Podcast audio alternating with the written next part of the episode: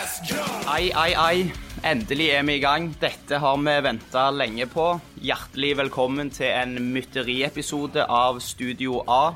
Vi har uh, fanga Stig og Flygen og plassert de i et kott, for nå er vi leie av alt sjass og rør fra de. Nå er det på tide å snakke litt skikkelig fotball.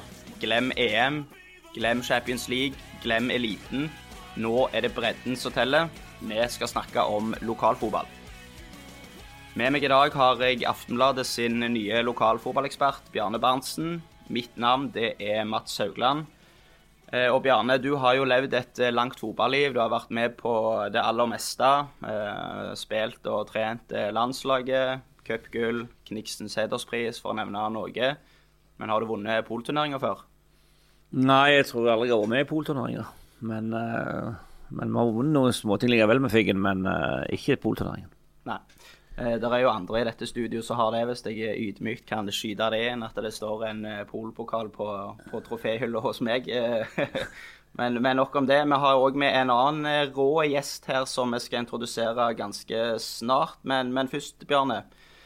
fredag så ble det jo åpna for breddefotballen. Det regner med du syns det er godt å endelig være i gang? Ja, det er vel ingenting vi har venta lenger på. Om vi har mer lengsel enn å komme i gang med det. Så det var jammen sant på tide. Ja, hva, hva, tenker du om at vi, vi, endelig er i gang? Jeg tenker det er fantastisk. For nå begynner det å bli veldig uh, lenge og veldig kritisk. Og, og jeg bare, kan bare, bare forestille meg den enorme gleden der er rundt om i alle klubbene nå for at de endelig får lov å drive på med det de syns er aller kjekkest. Vi vet jo at du er glad i lokalfotball. Hvorfor er lokalfotball noe som ligger hjertet ditt så nært? For det er stort sett alle som uh, spiller på, på høyeste nivå i Norge, uh, i på et eller annet uh, en eller annen plass i sin karriere så har de vært innom en, en, en lokal breddeklubb. Det er der alle kommer ifra, stort sett. Så derfor så syns jeg det er så fantastisk med, med breddefotball. Og, og, I en normal sesong, hvor, hvor, mye er du rundt, og hvor mye får du sett og fulgt med på lokalfotballen? Det er jo litt avhengig av hvilken jobbsituasjon du har, men uh, jeg tror jeg er en av de topptrenerne de siste tre sesongene som, som samtidig har vært på mest breddekamper i den perioden. Eh, og Jeg forsto òg at det var grei timing at vi skulle spille inn pod i dag. Det var veldig god timing, for da, da slapp jeg en uh, tur som jeg skulle ha vært med på med kona og, og uh, søstera hennes og mannen til Flørli-trappene med min kropp og min helse, så tror jeg det jeg passer bedre i studio her eller opp de 4444 trappetrinn. Uh, vi skal over til en annen som digger lokalfotball. Uh, vår første gjest. Og jeg syns jo vi legger lista skyhøyt. Uh, vi har med oss lokalfotballguru Lars Fisketjønn. velkommen til deg. Takk for det. nå jobber du jo i, i fotballkretsen. Kan du si litt om hva rolle du har der? Ja, jeg har en todelt rolle. Den ene jobben min det er å ta over litt av Svein Gunnar Hermansen sine arbeidsoppgaver, som går akkurat på det med kamp og seriekampoppsett for, uh, for voksne. Uh, kvinner og menn. Uh, så er jeg involvert i litt av det som går på ungdomsfotball og barnefotball, sammen med Jorunn Einarsen. Og så har jeg òg ansvar for sosiale medier og nettsider.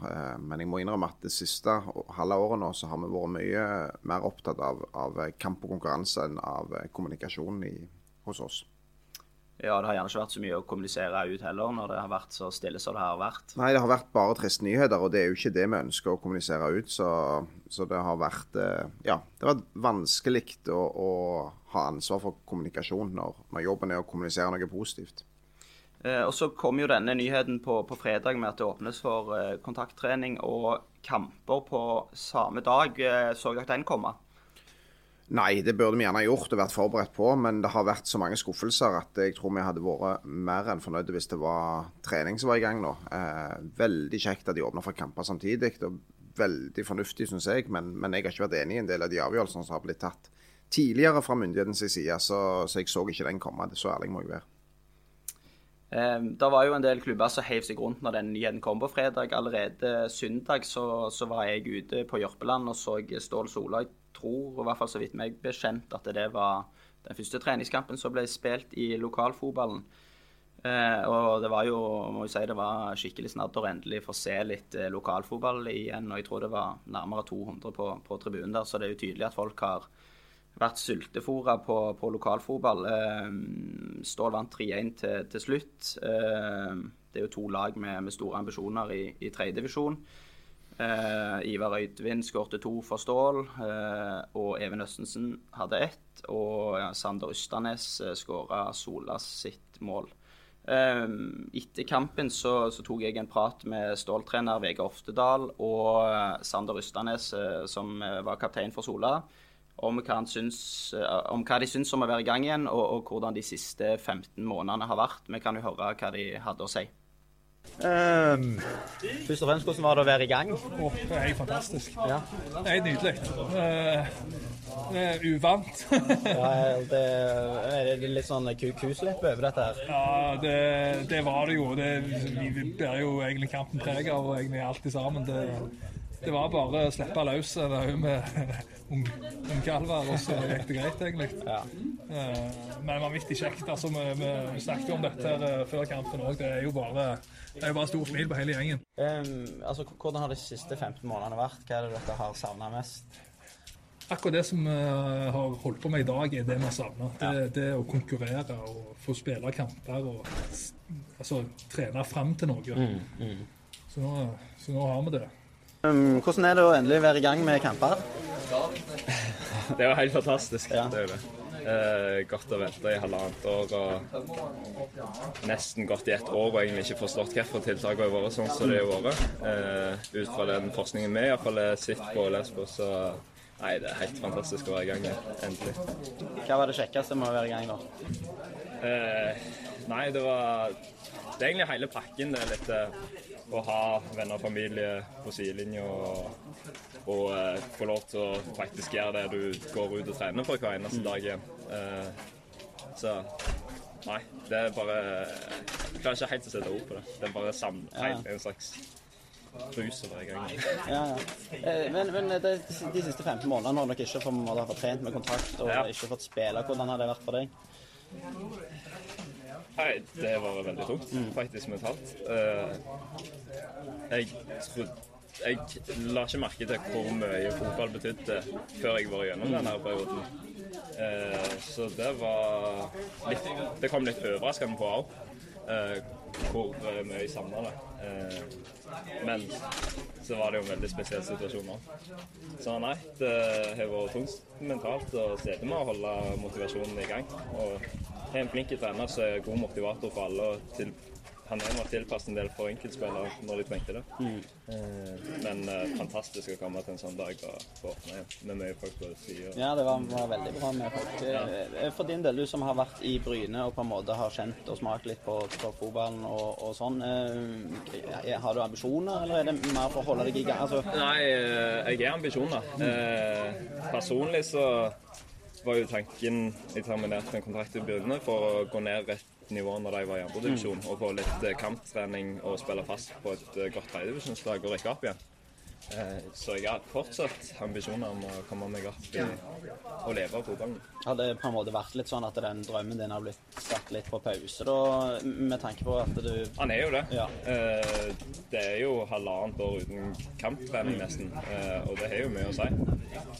Absolutt. Så det er en del spillere i tredjedivisjon som fortsatt et mål om å, om å satse på fullt og leve av det. Altså, det er nok mange det har gått utover det òg.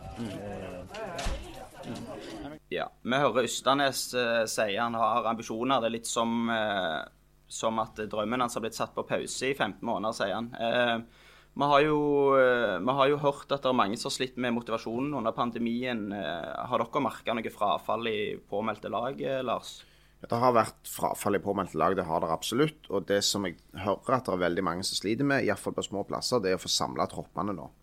Eh, samle kvinner og menn til trening og kamp. De vet ikke hvor mange spillere. De har, de har lag påmeldt, men de vet ikke hvor mange spillere de klarer å stille. Så det er nok en utfordring som kommer til å henge med en liten stund. Eh, akkurat på det som går på, på ren bredde, da, kan du si, så er det å få alle tilbake igjen feltet. Det er en jobb som, som vi og som klubbene har foran oss nå der vi må jobbe knallhardt for å få folk tilbake igjen. Eh, jeg så Gandal kjørte et stunt med pizza på første trening. og Jeg tror gjerne at eh, Jeg vet ikke om akkurat en trenger pizza hver gang, men, men altså, han må gjøre litt ekstra ut av det. Vise at her er dere velkomne tilbake. Vi vil ha dere med på laget igjen. Det tror jeg er vanvittig viktig. Så har du den andre delen, som er de som er sånn som Sander Ustanes, som er en talentfull spiller, var jo i Bryne før han kom til Sola. Eh, helt på terskelen til toppfotball, vil jeg påstå. Og så er du akkurat bikka 20 når denne koronapandemien kom. Eh, så står du plutselig uten et kamptilbud i, i 15 måneder. Mens de som var fylte 20 det året, de fikk iallfall kamptilbud gjennom U20-serie, eller hvis de var i toppfotballprotokoll i fjor. Så det er jo noen som er blitt satt på sida som tenker på at dette er en framtidig arbeidsplass for dem. Så har de mista et uh, mulig inntektsgrunnlag på, på det. Hvor mye tror du det påvirker, Bjørn, at, du, at en spiller mister 15 måneder med, med skikkelig eh, fotball? Det påvirker selvfølgelig. Først og fremst påvirker det tror jeg, motivasjonen og lysten. Eh, det fysiske og alt det går an å ta igjen. Men du må liksom du må, off, du må legge ned kolossalt mye hardt arbeid for å komme tilbake på toppnivå etter å ha, vært på det rolige nivået i 15 måneder. Så det, det er klart at det har, vært, det har, vært, en veldig kritisk periode for alle store talenter som har banka på for å komme med på, på sine A-lag, eh, som har fått spilt. Og så har de som da er unge innbyttere, ikke fått spilt fotball i det hele tatt. Eh, kamper. De har fått trent bra hvis de har vært i, i toppfotballmiljøet. Men har de vært i breddefotballen, så har de ikke fått uh, trent skikkelig. De har fått trent uten kontakt, men uh, fotball er jo en kontaktsport. Så uh, jeg håper jo at de fleste syns det er så kjekt og er så motiverte at, at det blir bare en liten pause i karrieren de 15 månedene, og at de tar, kommer sterkt tilbake igjen, de fleste av dem. Ja, for det er vel sånn at Hvis du liker fotball, så, så varer det jo ofte livet ut. Det er jo ikke på en måte bare noe som, som slutter. Men, men tror dere det kan få konsekvenser for norsk fotball de 15 månedene vi har vært igjennom? Ja, det er klart det får konsekvenser. for Det, det, er, det er, ingen tvil om at du, har mista noen på veien uh, som ikke orker lenger, og som finner seg andre interesser, uh, eller, eller, prioriterer utdannelsen hardere enn de ville gjort hvis de ikke hadde hatt uh, fotballsatsinger. Så det er klart du har mista noen. men forhåpentligvis så de som, er, har, de som vil mest, forhåpentligvis så, så klarer du å beholde dem. Og Så må vi snakke litt om det som venter i år. Lars, kan du fortelle litt hvordan er planene, og når blir det oppstart for uh, seriespill? Seriespill for senior begynner etter sommerferien, er planen. Eh, de har fått for så vidt noen uker òg etter sommer, skolens sommerferie er ferdig. Så det var litt ulike ønsker for klubbene. Noen ønsket å gå i gang veldig raskt, og noen ønsket en god stund med trening før det var første kamp. Så, så kampene er lagt ganske seint i august. da ganske god margin der. Så blir det spilt halv serie i de aller fleste divisjonene. I syvende divisjon er det vel lagt opp til dobbel serie i utgangspunktet, for det er avdelinger med litt færre lag. Ja. Um, og så er det jo òg uh, oppstart av Obos-cup egentlig så fort som mulig. Så fort klubbene vil, forstår jeg. Og der er jo formatet litt annerledes i år. Ja, der har vi lagt opp til et gruppespill innledningsvis for at det lag flest skal få litt kamper å spille. Vi hadde jo håp på en åpning for tre uker siden, det må vi jo si, sånn at vi kunne kommet lenger på den Obos-cupen på denne sida av våren. Men nå datter inn i innboksen min en del mailer nå med, med, lag som vil i gang på denne sida av, av, sommerferien. Og det er bra hvis de vil det. Eh, og så er det for å sikre et kamptilbud. Men så er det andre igjen som syns det blir veldig hektisk med kamper. Hvis de ikke får spilt i vår, så blir det plutselig hektisk på andre sida av, av, sommerferien. Så det er ulike ønsker i ulike klubber. Men jeg tror jo at det Obos-cup-konseptet som vi har nå, kan være ganske spennende egentlig med, med et innledende gruppespill, og så at uh, vinnerne går videre til et nytt uh, til, til, andre runde. da. Mm. Og bare for å si det, det Obos Cup det er jo gamle Rogalandscupen. Eh, og så forsto jeg òg at det var eh, første gang det er eh, kvinneklasse der. Stemmer det? Ja, ja, de har forsøkt tidligere, men i år var det jo veldig mange lag som ville være med. Eh, så det er riktignok et par som trukker seg i etterkant, men det er ganske mange lag som er med. Det er seks avdelinger. Så over 20 lag er det med fremdeles. Eh, så det er veldig veldig spennende. De er i gang allerede med Falke i Haugar i går. Så de har, de har starta Obos-cupen. De obligatoriske kampene er i gang. Og så tror jeg jeg talte 71 herrelag. Er det snakker med rekordpåmelding der, eller? Det er jeg litt usikker på eh, hvordan det er med, med rekord og hvordan det har vært tidligere år. Det, det, har jo vært en veldig attraktiv turnering å være med i tidligere dette. Um, men men det er iallfall veldig mange lag. Det er en gledelig oppgang, og det viser at det er mulig å få, få dratt i gang fotballen igjen. Selv om det som vi har snakket om med de utfordringene ser, så er det eh, miljøer som er klare til å spille kamper igjen.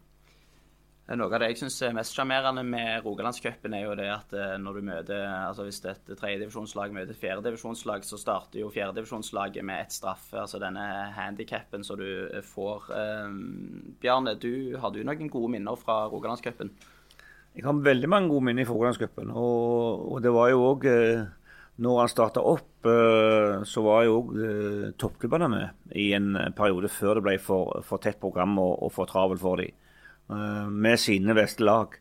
Så eh, det var jo selvfølgelig det, det som var det store med Rogalandscupen. Det var jo når du fikk lov å møte Viking, Bryne og Haugar uh, i, i, i, kamper som teller noe. Og ikke minst hvis du klarte å sette straffene før, før, før kampen, som gjorde at du hadde mulighet til å, til å tukte dem. Så masse gode minner fra Rogalandscupen, spesielt selvfølgelig i 1983, når, når Figgen gikk helt til topps. Eh, etter å ha slått Viking i kvartfinalen på, på gamle Stavanger stadion. Slått Kobbervik, som var et veldig bra lag da i semifinalen. Og så var det finale på Haugesund stadion mot Haugar, som bare fire år tidligere da i cupfinalen. Så det var selvfølgelig en, en stor opplevelse å, å, hente trofeet hjem til Figgen etter Figgen. Da var det stor stemning på, på Figgen. Og, og jeg forsto òg at det var Altså, det, det var skikkelig sånn folkefest på Figgen. For det, det var jo sånn spesielle transport folk kjørte opp eh, til Haugesund med. Ja, der var det Der var hele Figgen på føttene, holdt jeg på å si. Vi leide en Vestamaran. Eh, bare Figgen, og fulgte den opp med lag, spillere, trenere og supportere. Så det var, det var helt fot til Vestamaran, opp og ned til, til Haugesund. Og alle forstår jo da at når du vant uh, en finale, så så ble det ganske god stemning på, på heimturen. Så det var godt det ikke var for mye bølger da. var det lørdagskamp òg, eller? Nei, det husker jeg ikke. Det var sikkert midt i uka. De pleide å gå midt i uka i og med at det var seriekamp om helgene. Uh, jeg jeg sjekka bare litt opp i arkivet, og etter, jeg, jeg, tror dette var en stor seier for deg. For etter seieren så er du sitert på at for deg personlig så var denne seieren i Rogalandscupen like stor som det du opplevde i Viking med serie- og norgesmesterskap. Det er jo ganske eh, sykt å på en måte likestille det. Hva, hvor gjevt var liksom Rogalandscupen? Følelsesmessig var det helt utrolig. For det at eh, når du klarer å få din egen, uh, din egen barndomsklubb opp på det nivået som vi fikk, og konkurrere med de store derene, og, og ikke minst òg vinne, så, så, er det klart at uh, Og den stemningen der var, den stoltheten der var i, i klubben og blant den gjengen som vant, så, så, er det ingen tvil om at det var følelsesmessig var det helt fantastisk. Er det et håp dere har, Lars, at den Rogalandscupen skal få den statusen han hadde for eh, en god del år tilbake? Det hadde vært veldig kjekt, i alle fall. Jeg vet ikke om det er realistisk. Nå er det jo sånn at Hvis du er med i NM, så får du i teorien ikke være med i Rogalandscupen. Vi har gjort et unntak for det i år, da. Men, eh, men eh, så det vanskelig å få den der voldsomme go-en opp mot topplagene Topplagene trakk seg, som Bjarne sier, litt ut òg for ja, jeg tror det må være en 10-15 år siden at topplagene sa at nå var det, nå var det nok for de i Rogalandscupen. Eh, så, så, det kan bli vanskelig å få den statusen, men vi må i hvert fall jobbe for å skape attraktive konkurranser. Og hvis vi kan få en boost av årets Obos-cup, så kan vi gjerne bygge videre på det og så skape en enda kjekkere turnering neste år. Og så altså, vi i hvert fall kan bygge det opp igjen til at det, det betyr litt for klubbene å være med. Det betyr noe å vinne. Og jeg så for to, to, år siden, 2019, så var jo finalen der Avaldsnes vant. Og da var det jo tidligere toppspiller Andreas Ulland Andersen, spillende trener for Avaldsnes. Det så ut som det betydde noe for de å vinne den turneringen på måten de jubla etter, etter seier. Og Det er vel det som er litt av poenget med fotball, at det skal bety noe for deg å være med. Hvis vi klarer å skape konkurranser der det betyr noe å være med, det betyr noe å vinne, så er vi iallfall på rett vei til noe sånt. Forrige år så er det vel en del tredjedivisjonslag med, er det ikke det, på herresida? Ja, ikke en del, men det er noen, ja. Mm, så ja, men jeg regner med vi får en avklaring på NM ganske snart nå, så da er det ikke sikkert de er med så lenge. Men eh, jeg tror vi skal gi alle et mulighet til å være med og ha et kamptilbud nå på denne tida, sånn som det har vært de siste månedene.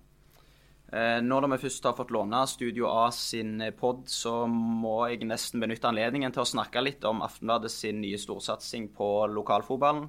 Det kommer spennende nyheter i august. Eh, planen er jo å sende en kamp i uka når eh, serien starter opp. Og så har vi jo veldig lyst til å, å, ha denne podkasten bare i eh, en egen innpakning da, fra, fra, høsten av, eh, hvor vi da inviterer en profil fra lokalfotballen som gjest, og, og gjerne få det til en gang i uka, da.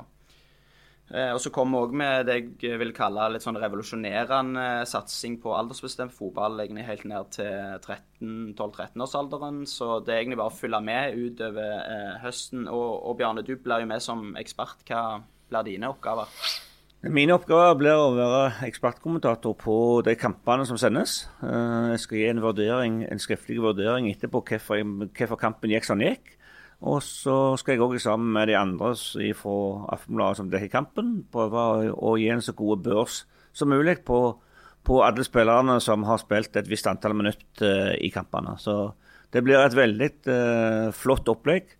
Og et veldig seriøst opplegg for, for, de som får. Så jeg håper jo selvfølgelig at vi får masse masse gode tips inn om skikkelig gode tro, lokaloppgjør der følelsene er i, i sterk sving, slik at vi får et, et stort engasjement, engasjement rundt kampene. Og det kan vi bare ta med en gang. Hvis det er noen som har tips, så kan dere tipse Bjarne eller meg på matshaugland.aftenbladet.no eller på Haug Hotelli på Twitter, et navn jeg har fått fortjent mye hets for, men eh, det er jo en annen eh, historie.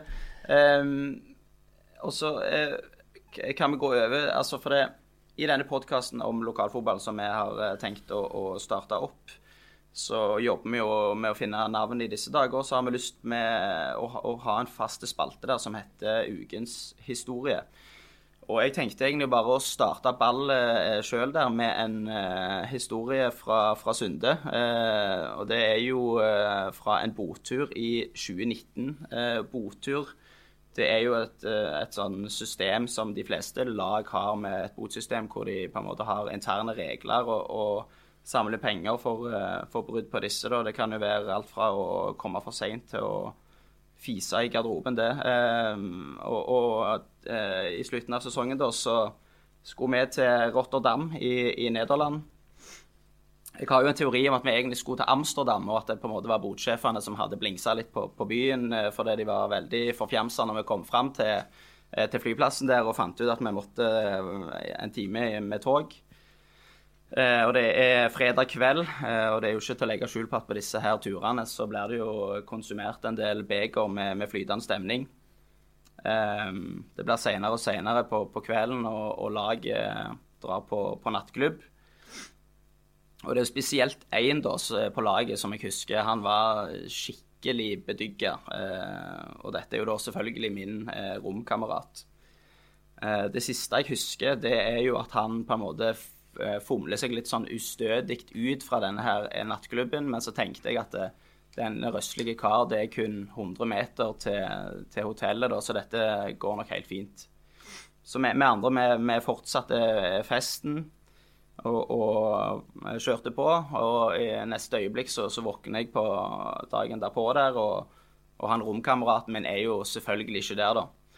Og da tenkte jeg bare Fader. Eh, jeg fikk liksom sånn elendige følelse. For det, for det første så, så, husker jeg jo hvor eh, bedygga han var. Eh, og for det andre så tenkte jeg jeg fikk litt dårlig samvittighet, for jeg burde kanskje gjort litt mer for å ta vare på, på fyren. Eh, og, og mannen klarte ikke å snakke, så jeg tenkte at det var litt sånn Det var, det var liten sjanse for at han hadde dratt med seg ei, ei dame i, i Trollteinet òg. Um, ehm, og, og, det var jo ingen på laget som hadde sett han. Jeg hørte med, med alle andre. Uh, ingen som ante hvor han kunne være. Jeg ringte han sikkert ti-tolv ganger, kom til mobilsvar hver gang. Men så var jo vi andre òg litt slitne dagen derpå, der, så vi tenkte vi må jo få i oss, uh, få i oss noe mat. Så vi gikk ut for å spise frokost. da. Og diskuterte litt hva vi skulle gjøre, om vi skulle gå til politiet, og hvor lenge vi egentlig skulle vente før vi eventuelt skulle gjøre eh, noe sånt. Da. Så, sånn i jeg tipper klokka var rundt ett, og så, så, ringte det jo endelig på telefonen, og da var det han eh, rom, romkameraten min, da. Og da, da, begynte jeg jo nesten å grine av lettelse, og lurte på eh, hvor i helsike er du? Han skjønte ingenting, han. Han uh, sa til meg jeg, jeg, tror jeg er i Belgia. Det står Brussel på, på, togstasjonen jeg er på. Så da hadde jo han tenkt at han skulle liksom hjem fra denne nattklubben, som da var 100 meter til hotellet. Og der skulle han ta tog til. Så han hadde satt seg eh, på toget, sovna, uh, våkna opp på endestasjonen på dette toget, som da var i et annet land, uten strøm på, på mobilen.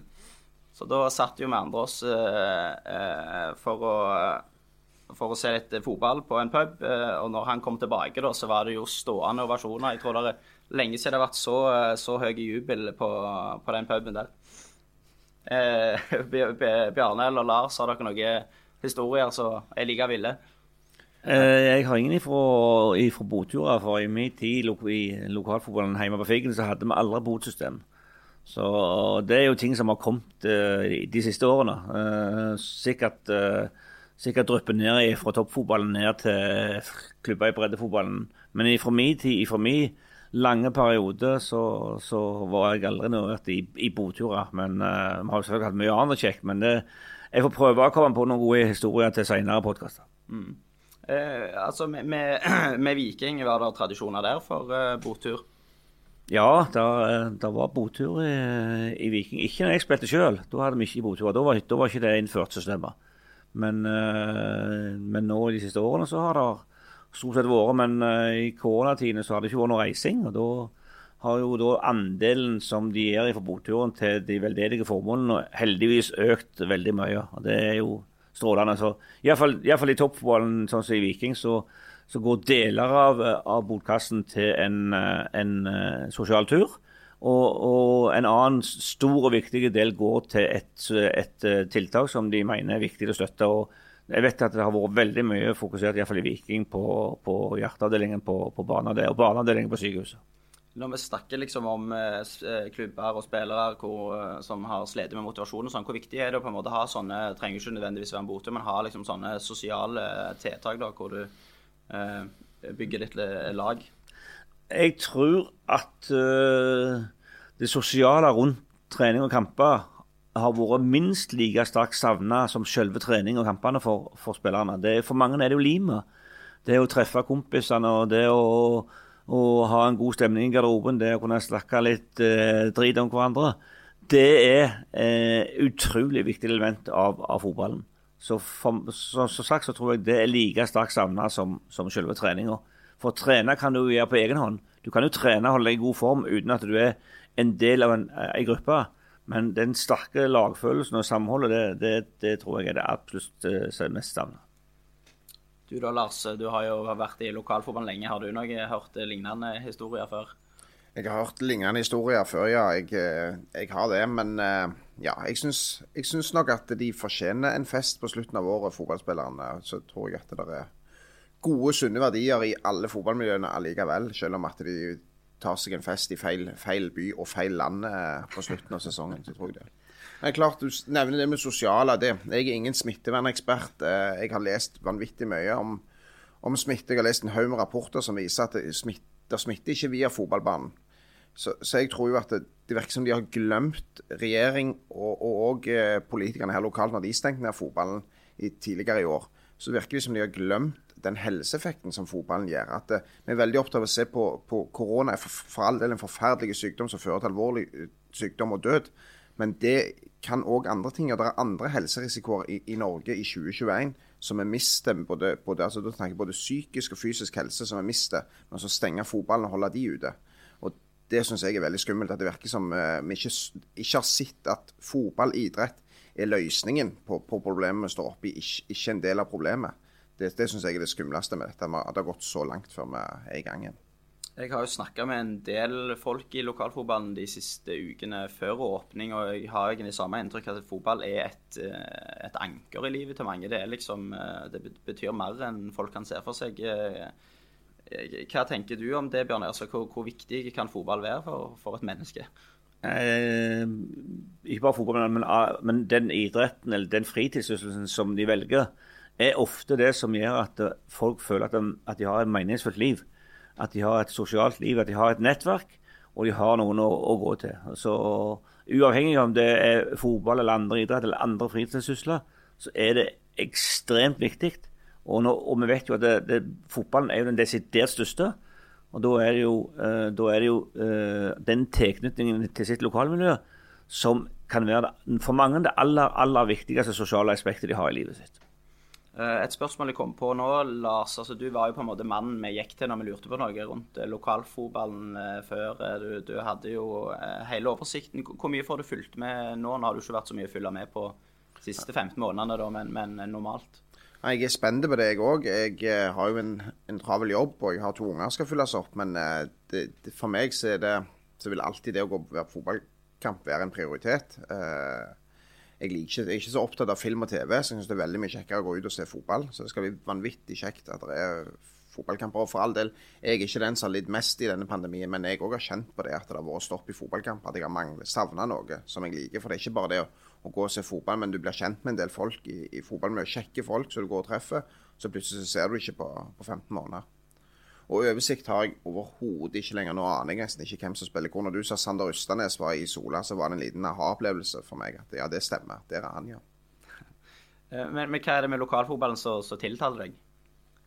Nei, altså, Først og fremst er jeg glad i all fotball uh, uansett. Uh, men, men, jeg har alltid vært glad i å gå på arena og se fotball. Jeg syns det er kjekkere enn å se det på TV.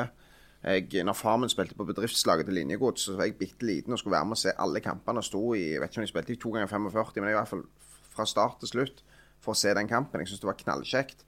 Og sånn var det med Viking på Stavanger stadion liksom også. Altså søndagen å gå på Stavanger stadion, det, det var det kjekt. Jeg trengte ikke mer. Jeg trengte ikke tivoli eller liksom Kongeparken. Hvis jeg kunne gå på Stavanger stadion, så var det det kjekkeste. Så tror jeg det har blitt sånn at uh, lokalfotballen er jo det mest tilgjengelige. Det er kamp så å si hver eneste dag. Det er alltid en kamp du kan gå og se. Det er som regel uh, billig å gå og se på. De pengene du legger igjen, de legger du igjen i kiosken. Uh, og det kan du se på magen at jeg har vært et par ganger i de kioskene. Men, men det er liksom så tilgjengelig, og, så er det kjekt. Og så blir du kjent med, med, med folk i tillegg, da. Ja. Eh, jeg har jo fått en del spørsmål de siste dagene, Bjarne, nå som du blir daglig leder i Bryne. Men, men du, du, har ambisjoner om å være med som, som lokalfotballekspert likevel? Ja da, jeg eh, var tydelig i det i samtalen med Bryne at jeg ønsket å kombinere det. Og eh, det tror jeg skal gå greit. Jeg håper iallfall det. De fleste lokalfotballkampene spilles på kveldstid, midt i ukene. Det er jo da aktiviteten som daglig leder i Bryne At det går an å kombinere med det. Det er veldig bra. Um, hva forventninger har vi til årets sesong? Vi kan starte med deg, Lars. Nei, Det blir en hektisk sesong med kun høst. Jeg tror det er veldig mange som er veldig glad for å være tilbake på fotballbanen.